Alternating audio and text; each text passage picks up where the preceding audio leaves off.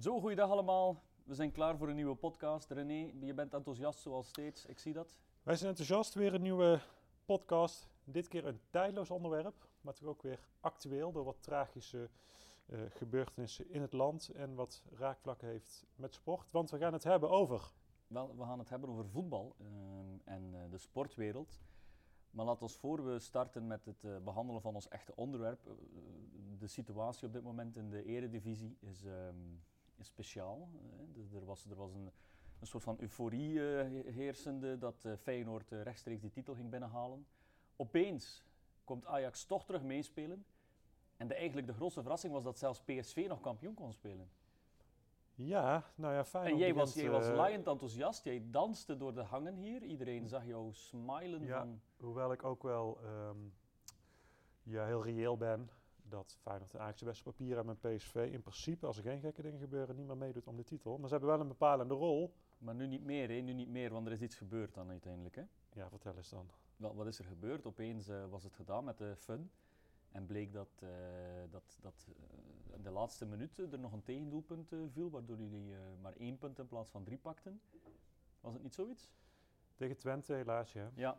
Maar en dus goed. nu is de titel eigenlijk zo goed als weg. Want als jullie, dat punt, als jullie van dat punt drie punten hadden gemaakt, dan hadden jullie kunnen tegen Ajax winnen. En dan kon je eerste staan. Mits Feyenoord wat punten laat liggen. Ja. Maar dus, we hopen natuurlijk nog steeds het allerbeste voor, voor jou René, voor jouw ploeg. Dankjewel. Ja, voor Club Brugge hoef je denk ik niet te hebben. Hè? Die gaan ook niet zo best in de play-offs. Nee, het is, het is even moeilijk. Het is even moeilijk. Maar uh, you never know in de play-offs in België. Het kan heel snel keren. Anderlecht heeft gelijk gespeeld tegen Gent. Dus voor je het weet staan we toch terug. Uh, voor je het weet ben ik terug op de markt in Brugge aan het vieren. Uh, net als vorig jaar. Ik, ik hoop het voor je. Ja, dank je. dank je. Maar dus, de eredivisie. Wij zijn van mening dat zij een kans hebben laten liggen vorig weekend. Ja, absoluut. Waarom? In Nederland een, uh, ja, een, een, tragisch incident. Uh, in ieder geval uh, twee homo's, een homoseksueel stelletje ja. in Nederland dat nou ja, in elkaar werd geslagen, om het zo maar even ja. te zeggen. Um, wat natuurlijk wordt opgepikt door de media. Uiteraard, maar en ook terecht een, ook. En terecht. Zeer terecht, breed uitgemeten. Mm -hmm. Maar ook een thema dat nog steeds in de sport uh, speelt. En vandaar ja. dat ik straks zei, het is tijdloos, maar toch ook weer actueel. Ja. Homoseksualiteit in de sportwereld blijft een gevoelig onderwerp. Ja, het is niet alleen, inderdaad, het is niet alleen in de samenleving dat het niet altijd aanvaard wordt, ook in de sportwereld. En net daarom, het was zo mooi dat er een, een, een soort van uh, golf van uh, protest kwam. Uh, tegen wat er gebeurd was, door, door, door foto's te posten van twee mannen die hand in hand ja. over straat liepen. Er waren een, politici hebben het gedaan, bekende, bekende Nederlanders, muzieksterren. Iedereen deed het en zelfs uh, René van der Geep uh, met, zijn, uh, met zijn crew van Voetbal Insight, wat ver ja. verbazingwekkend is, want die man staat toch bekend voor nogal zeer onrespectvolle uitspraken die hij al eerder had gedaan ten opzichte van homo's. Exact, ik denk dat dit een, een goed makertje was. Ze hebben heel slim dit moment aangegrepen om, ja. um, om de eerdere uitspraken van René van der Gijp, om dat enigszins recht ja. te trekken. Ja. Maar goed, zij, zij, uh, maar ze hebben het wel gedaan. Ze hebben het gedaan en ze waren daarmee een van de weinigen uit de voetbalwereld, uit de sportwereld, die erin meegingen. Ja, en toen, toen viel onze, onze euro, onze gulden, onze frank viel en wij hadden, wij hadden toen het gedacht, ja, vanuit de journalistiek, in de sportjournalistiek gebeurt er nu iets. Waarom gebeurt er niets vanuit die voetbalwereld zelf? Want, uitgerekend, die voetbalwereld zelf heeft toch wel nog wat uh, boter op haar hoofd en daar moet toch nog wel iets gebeuren. In een van onze lessen verwijzen wij onder andere naar uh, Justin Fashanu, een uh, Britse voetballer. Die heeft zelfmoord gepleegd in uh, 1998. Waarom heeft hij zelfmoord gepleegd? Je weet dat, René. Ik weet dat ook, maar het is een podcast. We moeten elke beurt aan het woord komen, dus zeg ook eens iets. Nou ja, hij kwam als, als een van de eerste, misschien wel de eerste professionele voetballer in Engeland uit de kast. Ja. En, en, dat werd niet bepaald uh, heel goed ontvangen. Nee. Zijn eigen teamgenoten, uh, zelfs zijn broer, die ook professioneel voetballer was. Ja, John die, Fashanu, ja, nog die wilde, Liverpool gespeeld en zo. Ja, -hmm. wilde niets meer met hem te maken hebben. Zijn trainer sprak afschuw uit over het feit dat hij als homo uh, in zijn team opereerde. Uiteindelijk, nou ja, heel tragisch heeft hij zelfmoord gepleegd omdat hij Ja. niet meer kon omgaan met al die negatieve... eh, Heel erg. En, en dan in 2015 was er een, eh, een eh, voetbalmagazine, 442, die had een onderzoek laten uitvoeren. Ehm, wat bleek? Geen enkele voetballer die actief is in de Britse voetbalcompetities uh, noemt zichzelf homoseksueel, dus komt, komt eigenlijk uit de kast, laat, we, laat weten dat hij homo is. Maar 11% zegt wel dat ze een homoseksuele collega kennen. Ja. Dus, uh, dus, dus blijkbaar, uh, er zijn wel homoseksuele voetballers in Engeland, maar die durven niet naar buiten komen. Nou ja, en in Nederland, ik weet niet hoe het in België is, maar in Nederland geldt in principe hetzelfde. Hè? Um, op dit moment geen een, enkele professionele voetballer in de Eredivisie die openlijk homoseksueel ja. is. En, en je, je, vraagt je dan af, hoe komt dat? Waarom durven ze niet naar buiten komen? Wel, uh, uitspraken zoals bijvoorbeeld John de Wolf, een ex-Feyenoorder. Ik heb geen bezwaar tegen homo's zolang, ze er maar niet mee, nee, zolang ik er maar niet mee in de douche moet. Dat soort van uitspraken. Er zijn er heel wat andere ook nog te vinden. Uh, Frank de Boer is ook in opspraak gekomen onlangs, uh, toen hij nog trainer was bij Ajax. Hij, hij, had het toen over homo's zijn meestal asportief.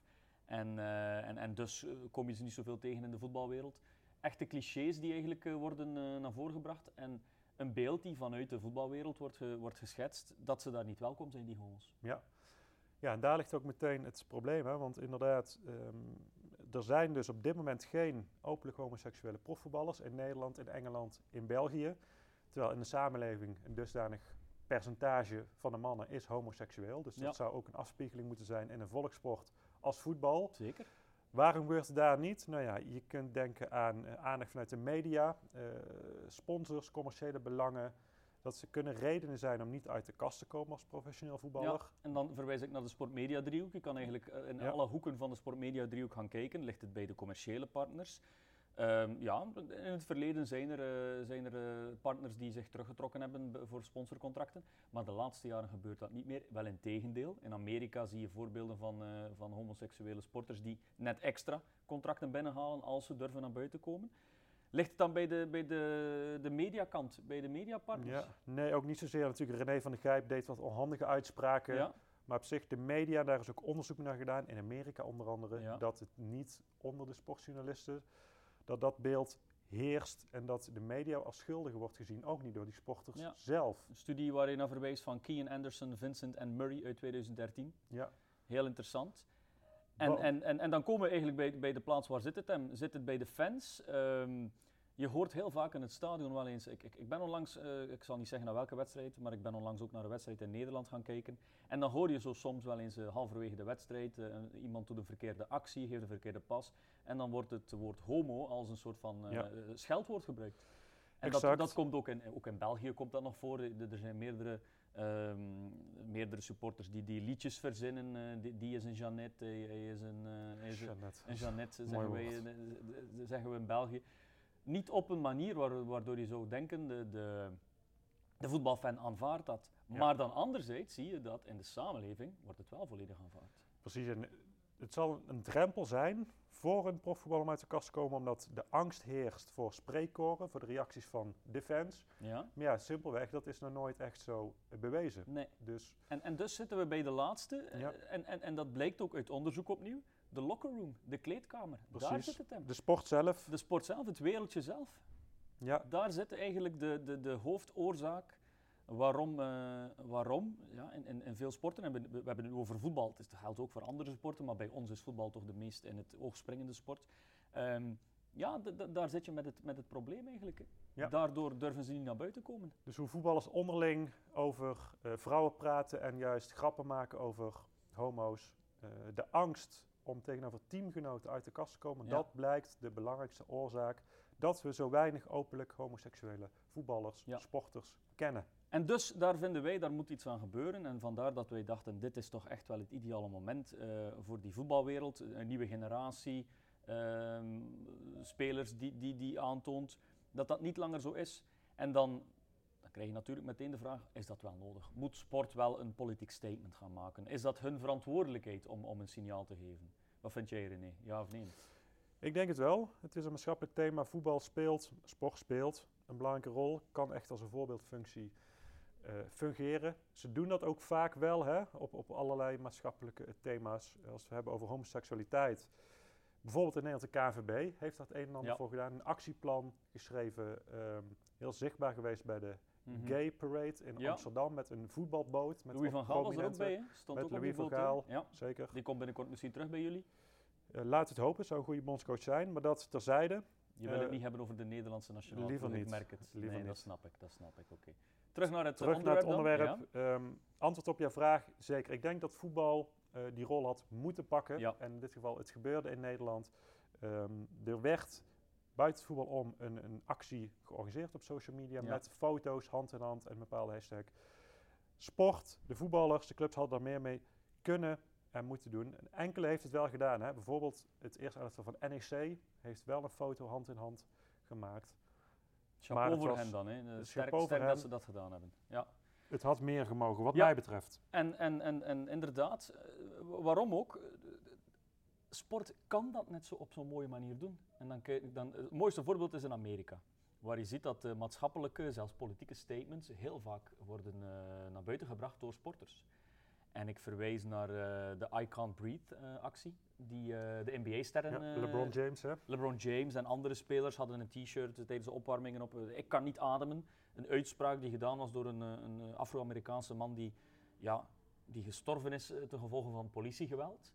Ehm, en daar is, een, daar is een protest gekomen die, die, die, die aanvaard werd door de samenleving, die, die ook heel wat zichtbaarheid kreeg en, en die ook op andere manieren terugkomt. Eh, Colin eh, Kaepernick, een NFL-speler die, eh, die weigerde om recht te staan bij de, bij wanneer het volkslied wordt afgespeeld net voor een wedstrijd. In Amerika is dat not done, het volkslied is heilig. Maar ehm, wat bleek, de week nadat hij die actie had gedaan, werd zijn shirt het best verkochte shirt. Dat is een goede speler, maar niet een van de toppers. Zijn shirt werd het best verkochte shirt op het moment dat hij die actie deed. Veel mensen vinden dat net nodig dat iemand zo'n statement durft te maken. De afrekening is er ondertussen. Als je, ik weet niet of je het, misschien, misschien loop ik op de feiten vooruit door het een afrekening te noemen, maar hij vindt geen nieuwe club. Hij slaagt er niet in om een nieuw team te vinden. In het, eh, in, het Trump-tijdperk in Amerika eh, ligt het allemaal wat gevoeliger en eh, die man heeft dus nog altijd geen nieuwe club. Ehm, maar gelukkig in Nederland is het nog lang zo ver niet dat je wordt afgerekend als je zo'n statement doet. In België zeker ook niet. Ik verwijs trouwens naar eh, Karel Hoefkens, een speler die bij Club Brugge gespeeld heeft, ook ex-Rode Duivel. Die, ehm, die heeft, eh, toen hij kapitein was van Club Brugge, heeft hij op de cover gestaan van een eh, homo-magazine. Ook als een statement, eh, dit moet aanvaardbaar zijn. Niet iedereen nam hem dat in dank af, maar ik heb veel bewondering voor, voor hem dat hij dat gedaan heeft. En dat soort van acties hebben we meer nodig. Ja, absoluut. Het is belangrijk, hè? we zeiden dus net, het probleem van homoseksualiteit en de acceptatie in sport, in voetbal, zit met name in de locker room, bij de sport zelf. Ja. Dus het is heel jammer dat op dat vlak bij de actie afgelopen week de voetbal in Nederland, de spelers, de clubs, daar het weinig mee hebben gedaan. Zij, juist, zij kunnen die rol en moeten misschien wel die rol oppakken om vanuit de sport zelf te laten zien dat ze wel openstaan voor Ja, iedere geaardheid. dat, dat, dat vind ik een heel mooie manier om het te recapituleren. Je hebt dat heel mooi gezegd, René. Ehm, dit was een, eh, een onderwerp die ook een beetje gebaseerd is op een van onze lessen. Wij, eh, wij, in een van onze colleges gaan we daar eh, dieper op in. We hebben eigenlijk interessante colleges, hè, als ik het zo bedenk. Alleen maar, eigenlijk. Al- eigenlijk alleen maar, ja, ja, dat is zo. Dus eh, afrondend, ehm, bedankt voor het luisteren. En eh, we zijn ook benieuwd naar jullie mening. Wat, wat zouden jullie er eigenlijk van vinden mocht je favoriete club Ajax, PSV, Feyenoord, eh, Fortuna Sittard, eh, Willem II, eh, Roda JC. Mochten de spelers opeens hand in hand het veld opkomen eh, voor de volgende wedstrijd, eh, zouden jullie dat een goed signaal vinden, ja of nee? Laat het ons weten en je kan het ons laten weten op zo ongelooflijk veel verschillende manieren. Stuur ons een WhatsAppje, een, eh, een mailtje, telefoneer ons, bel ons. Zelfs de postduif, die wordt ontvangen met open armen door René bij hem thuis. In het landelijke Nun, waar de duiven nog eh, rijkelijk aanwezig zijn. Mooi gesproken, absoluut. En daar zijn we trots op. Oké, dankjewel en tot een volgende Bedankt voor het keer. luisteren.